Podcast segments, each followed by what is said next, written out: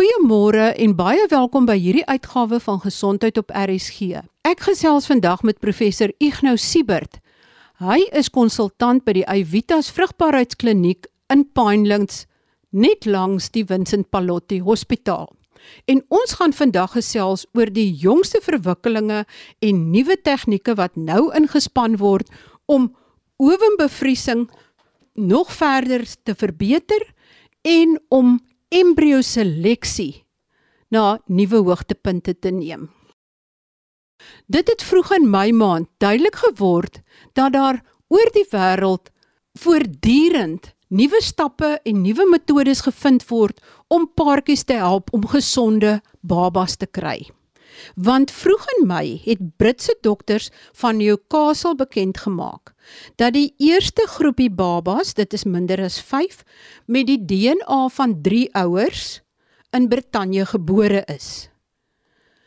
'n Bevrugte eiersel van die maanpa se selkern is uitgehaal.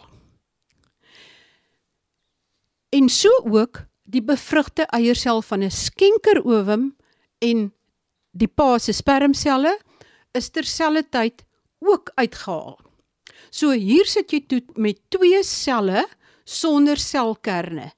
Die een het foutiewe DNA in sy mitokondria. Dit is in die sel maar buite die selkern. En in die ander sel het jy gesonde mitokondriale DNA wat ook buite die selkern geleë is wat van die skenkersel is. En toe het die dokters die gesonde selkern met die maanpa se DNA in die sel ingeplant met die gesonde mitokondria en die gesonde mitokondriale DNA. Die tegniek staan bekend as mitokondriale skenkingsbehandeling. Die babas het 99.8% van die DNA van hulle ouers en is dus beslis die regte biologiese ouers se baba. En hulle het slegs 0.2% oftewel 37 gesonde mitokondriale DNA gene van die donor en nie die foutiewe mitokondriale gene wat van die ma kan kom om 'n genetiese siekte oor te dra nie. Dit is gedoen vir paartjies waarin daar 'n familiegeskiedenis is van belangrike en ernstige genetiese siektes. Volgens professor Sibet beteken hierdie sukses beslis vooruitgang. En sal dit moontlik wees om dit selfs in die toekoms hier in Kaapstad te doen indien dit nodig is? En nadat etiese en ander kwessies bekyk is. Die Newcastle Kliniek is die enigste een in Engeland wat eties toegelaat is om hierdie tegniek toe te pas. Dit is ook nie sonder risiko nie. Maar nou kan ons fokus op dit wat hier in Suid-Afrika reg onder ons neuse gebeur. En dit is die vooruitgang in owenbevriesing. Kom ons vind meer uit wat professor Siebert ons kan vertel oor hierdie vooruitgang. Môre Marie en môre luisteraars, baie dankie vir die geleentheid om weer vir oggend met julle te gesels. Dis altyd 'n voorreg en is altyd baie lekker. Ek sit hier aan die voet van Tafelberg. My pasiënte kyk gewoonlik op die berg en ek sit met my rug na die berg. So ons sit ook op 'n baie mooi plek vandag met 'n pragtige dag en sonskyn. So die vraag is 'n baie interessante vraag want oorvriesing word 'n baie belangrike faktor in die vrou se gesondheid. Want oorvriesing het 'n paar aspekte. Ons praat van sosiale vriesing, die vrou wat op 34, 35 is wat nog nie haar man ontmoet het nie of wat 'n verhoudingsteleurstelling gehad het, maar wil graag 'n baba eendag hê en ons vries dan daai eiers sodat as hulle op 38 of 39 wil kinders hê, dat hulle dan hulle jong eiertjies kan gebruik en vir hulle 'n baie goeie kans vir sukses gee. So sosiaal is oorvriesing 'n baie belangrike faktor. Dan gaan ons en ons gaan kyk na die belangrike punt is ook kanker, onkologie. Ons weet vandag en ons ek is seker ons het almal almal van ons het familielede wat vroeë ovariële kanker of borskanker het en die chemoterapie en die bestraling kan die eierstokke steriel maak. So voordat hierdie mense dan hierdie pasiënte begin met hulle kankerbehandeling, voordat hulle begin, is die aanbevole um, raad dan om eerder eers die eiertjies te vries as daar kans is. Baie keer is die kanker te aggressief en daar is nie kans om te wag nie. Maar as daar kans is om eerder daai tydjie te gebruik die 2 of 3 weke voor die behandeling te begin om die eiertjies te vries. Nou wat baie interessant is net op hierdie ons noem dit onkofertiliteit in hierdie kankerpasiënte is ons het al die jare gewag vir die pasiënt se menstruasie voordat ons begin stimuleer om die eiertjies te vries. Vandag ons noem dit en jammer vir die Engelse woord ons noem dit random start. So enige tyd deur die siklus kan ons begin om te stimuleer. Ons kort 10 of 12 dae om die eiertjies te stimuleer en dan te aspireer en te vries en daai jong vrou pasiënt het dan die vermoë om eendag as haar kankerbehandeling voltooi is en sy oorleef het om weer die eiertjies te gebruik om 'n baba te hê. So onkofertiliteit begin 'n baie belangrike rol speel in die vrou se gesondheid. Maar die belangrike punt, die derde punt is, is die eintlike vraag is, maar hoe suksesvol is julle met hierdie prosesse? Yes, ons dit is belangrik in sosiale vriesing. Ons dit is belangrik in die kankerpasiënt, maar hoe suksesvol is julle? Nou, soos julle weet, die eerste uh, IVF babatjie Louise Brown is gebore net so voor 1980. Dis maar jonk. Ons is in 'n jong in 'n baie jong veld, dis maar 40 jaar gelede. Hier in die 90's het ons begin embryos vries. 2000s begin beter word en ons kan vandag sê dat daar klinieke in die wêreld is wat sê jy moet al jou embryos vries en 'n freeze all siklus doen want jou suksessyfer is eintlik beter met die bevrore embryos as met die vars embryos. So dis hoe goed die embrio vries programme is.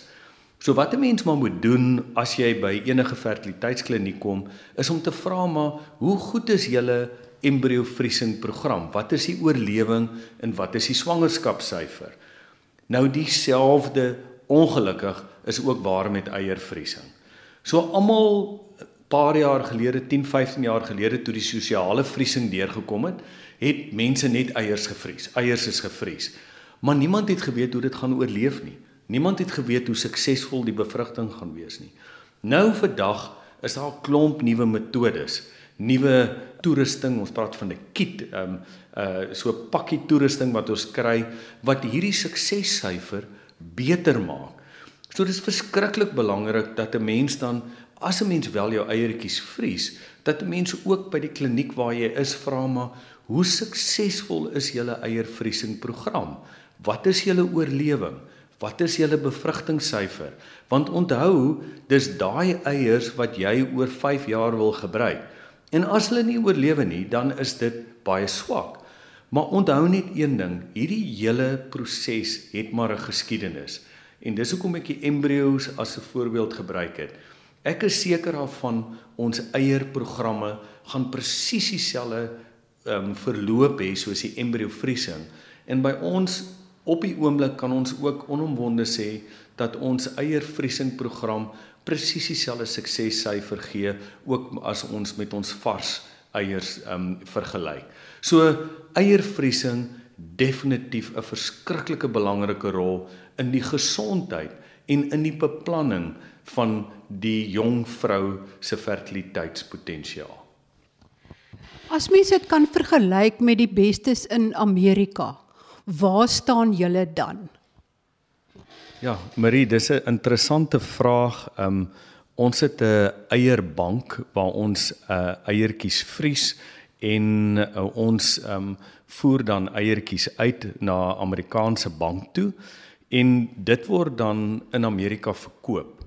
En hierdie eiertjies wat verkoop word deur hierdie bank in Amerika word dan vergelyk met al die ander klinieke oor die wêreld, deur Europa, in Amerika wat dan aan hierdie bank eiertjies lewer. En ons kan met 'n met 'n groot opgewondenheid sê dat ons wetenskaplikes wat hierdie eiervriesing doen onder die top 5 in hierdie kliniek oor die afgelope 3 jaar gradeer. So ja, dit is aan die een kant is dit 'n goeie ding ons word objektief geëvalueer, maar aan die ander kant is dit baie keer ook pynlik as iets nie goed gaan nie, dan weet almal daarvan want jy weet jy word opgehang in die openbaar. Maar dit is 'n goeie ding want ons glo omdat ons sterk akademiese bande het, glo ons dat jy objektief geëvalueer moet word en dit is jou beste manier om dan jou syfers te kan deel met jou pasiënte. Die eiertjies wat julle dan na Amerika toe stuur na die eierbank toe, is dit van julle pasiënte wat dit skenk? Nee, dit is nie pasiënte wat skenk nie. Dit is wel donors wat skenk. So dit is maar deel van ons donor OVA program.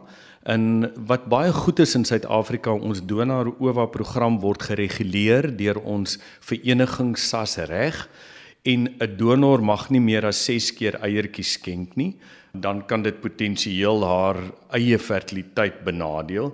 So dit word baie streng beheer. Ons het 'n koördineerder wat na al hierdie donors kyk. Ja, so dit is nie pasiënte nie, maar wel jong donors, fertiele jong meisies wat baie goed gesip word voordat hulle dan aan hierdie program deelneem. Professor, wat was die belangrikste ding wat gemaak het nou by julle dat die eierbevriesing beter is as voorheen? Is dit 'n enkele iets wat gebeur het enkele metode of toerusting of is dit maar 'n akkumulasie van klomp dinge wat bymekaar gekom het? Ja, dit is 'n uh, weer eens 'n uitstekende vraag. Um en 'n mens in die mediese wêreld sal 'n mens besef is nooit 'n enkel faktor nie. So hierdie is 'n proses. Dis eerstens 'n proses van die laboratorium om dit op die regte manier te hanteer. Jy weet, nadat jy die eiertjies uitgehaal het, hoe lank is die tyd voordat jy moet vries? Is dit 'n uur, is dit 2 ure, is dit 3 ure en jy kom by die optimale tyd uit? Dan is dit hoe hanteer ons dit? Wat is die die omgewing se optimale temperature in jou laboratorium wat optimaal is? Jou wetenskaplike se hantering ongelooflik belangrik. Ons sien ook dat ons se twee wetenskaplikes wat dit doen en hoe hulle suksessyfers dan in die begin as hulle begin, jy weet dan is die suksessyfers so 60, 70% en hoe dit beter word hoe hulle meer ervare word daarmee. So die wetenskaplike speel 'n baie groot rol en dan die toerusting wat jy gebruik. Daar is twee maatskappye in die wêreld wat die toerusting maak vir die eiervriesing. Die een is Cryotech en die ander een is Kitazato, albei Japaneese maatskappye en dis maar waar die eiervriesing begin het en ontstaan het en hierdie toerusting word ook verbeter op 'n konstante basis. Die halfleeftyd word verbeter, die mediums word meer gebruikervriendelik. So Marie, nie 'n enkel faktor nie en dit is maar hierdie hele proses en ongelukkig is dit baie keer pynlik en baie keer is ons pasiënt aan die ander kant maar ook deel van hierdie pynlike proses om by die optimale stelsel uit te kom waar mens kan sê nou het ons die ideale omstandighede. Jy het gesê dat die suksessyfer om 'n gevriesde eierselletjie te gebruik wat tot bevrugting en swangerskap lei, is dieselfde as om 'n vars geoeste eierselletjie te gebruik. Wat is daai syfer? As jy die ovum of ova gebruik om dan 'n swangerskap te bewerkstellig. So as 'n mens kyk Marie na jou swangerskapsyfer, is alles ouderdomsverwant. So as 'n mens byvoorbeeld in vitro bevrugting doen op 'n 40-jarige vrou, is jou kans so 20-25% om swanger te wees. Maar as jy die eiertjie gebruik van 'n 20-jarige vrou of 'n jong dame, dan is jou kans 50 tot 60%. So ons sien vandag dat met 6 vars eiertjies of 6 bevrore eiers is jou kans 55 tot 60% om swanger mee te wees. Maar die bevrore eiertjies is mos eintlik jonger. Ja, so dit is as die vars eier 20 is of as die bevrore eier 20 is, dan is dit presies dieselfde. Maar as jy nou byvoorbeeld 45 is, so is goed dat ek dit net baie mooi verduidelik. As jy 45 is met jou eie eiers, al is hulle vars, is jou kans kleiner as 3% om swanger te word. Maar as ek 6 eiertjies van 'n eierbank neem, al is hulle gevriesde eiers, is my kans 55 tot 60% om swanger te word. Dit is 'n baie groot verskil en almal wat eintlik daaraan dink om eers later in hulle lewe kinders te hê, moet baie goed hieroor dink want hoe gouer jy jou eiertjies vries, hoe groter is jou kans om dan later wel swanger te raak. Ek gesels nou verder met professor Ignou Siebert, konsultant verbonde aan die Avitas kliniek in Pinelands langs die Vincent Pallotti Hospitaal en ons fokus op hierdie deel oor embrio seleksie. Wat het dan verander en waar staan ons nou? Ja, Marie, um, ek sê weer ons is in 'n jong veld, maar ons sit ook al in 'n veld waar daar baie navorsing gedoen is oor die afgelope 40 jaar oor embryos. So toe ek hier by betrokke geword het, het ons gewoonlik 'n embrio op dag 3 teruggeplaas. So dis 'n 6 tot 'n 8 sel embrio en jy het gekyk hoe vinnig hoe vinnig deel daai embriootjie. So ons wetenskaplikes het hier binne 24 uur gekyk en die vroeë deelers is dan die embrio wat jy teruggesit het. Want baie keer sit jy met 5 embriootjies wat almal 8 selle is. Hoe kies jy die beste embrio? So in die begin toe ek met die veld betrokke geword het, het ons na vroeë deelers gekyk binne 24 uur. Toe begin weer eens soos ons veld verbeter, het ons die embriootjie begin groei na dag 5 en dis wat ons noem 'n blastocyst. So ons het toe begin dag 5 embrio's terugsit en dan het jy gekyk hoe lyk hierdie dag 5 embrio. Jy het hom gradeer. Hy is as hy groot en mooi uitgeset is, dan is hy 'n 4 en 'n AA en as hy 'n C word, is dit 'n swak kwaliteit. So ons kon dan toe van 'n AA tot 'n CC of 'n D kon jy dan sien wat se embrio is die beste en van 'n 1 tot 'n 4 ook die grootte van die embrio. Ons praat van die ekspansie, die um, swelling van die embrio. As hy groot is, is dit dan 'n 4 en die maksimum is 'n 5 tot 'n 6. So met die blote oog onder die mikroskoop kon die wetenskaplike dan kies. Maar so was dit dan ook dat ons baie goeie embrio's terugsit, maar hulle word nie swanger nie, maar die swakker embrio's word swanger. So toe word die vraag dan gevra maar hoe weet ons wat is die genetika van die embrio? Want die genetika korreleer nie met hoe die embrio lyk nie. So onthou, ons het begin met 'n vroeë deler op dag 3. Toe gaan ons na die blastocyst hoe hy lyk. Toe sê ons maar ah, ah hier's van die blastocyste wat nie swangerskap verwek nie.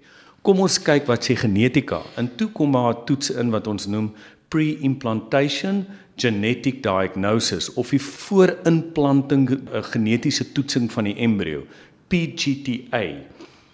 Nou ongelukkig weer eens jy moet hierdie embrio hanteer. Jy moet hom eerste plek 'n biopsiekie doen. Jy spuit die embrio se wand met 'n laser. So jy jy drill met 'n laser, dan trek jy van hierdie selletjies uit.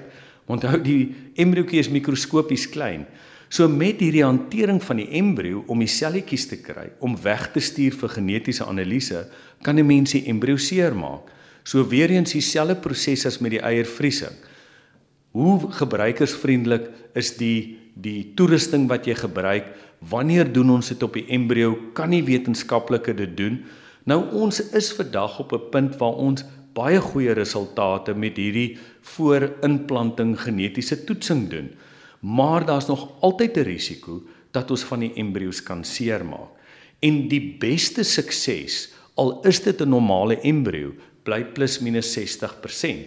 Nou ek het net nou vir jou gesê, 'n 20-jarige eier het 'n 55 tot 'n 60% kans of ons hom geneties getoets het en of hy ongetoets is, sy kans bly daar want daar's ook uh, binne die baarmoeder faktore wat veroorsaak of die embriootjie implant of nie.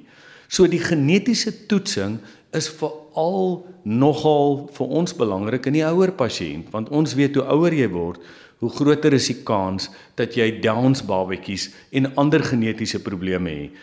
So die internasionale riglyne vandag is moenie genetiese toetsing doen in 'n pasiënt jonger as 38 as daar nie 'n indikasie is nie en in die ouer pasiënte dan kan 'n mens hierdie toetse wel aanbied. Maar dis alles wat ons noem ingrypende prosedures. Dit kan die embrio seer maak. So nou die volgende stapie is is daar sekere toetse of seleksies wat ons kan doen sonder om die embrio seer te maak. Daar's op die oomblik is daar 'n inkubator wat hulle noem die embrioskoop.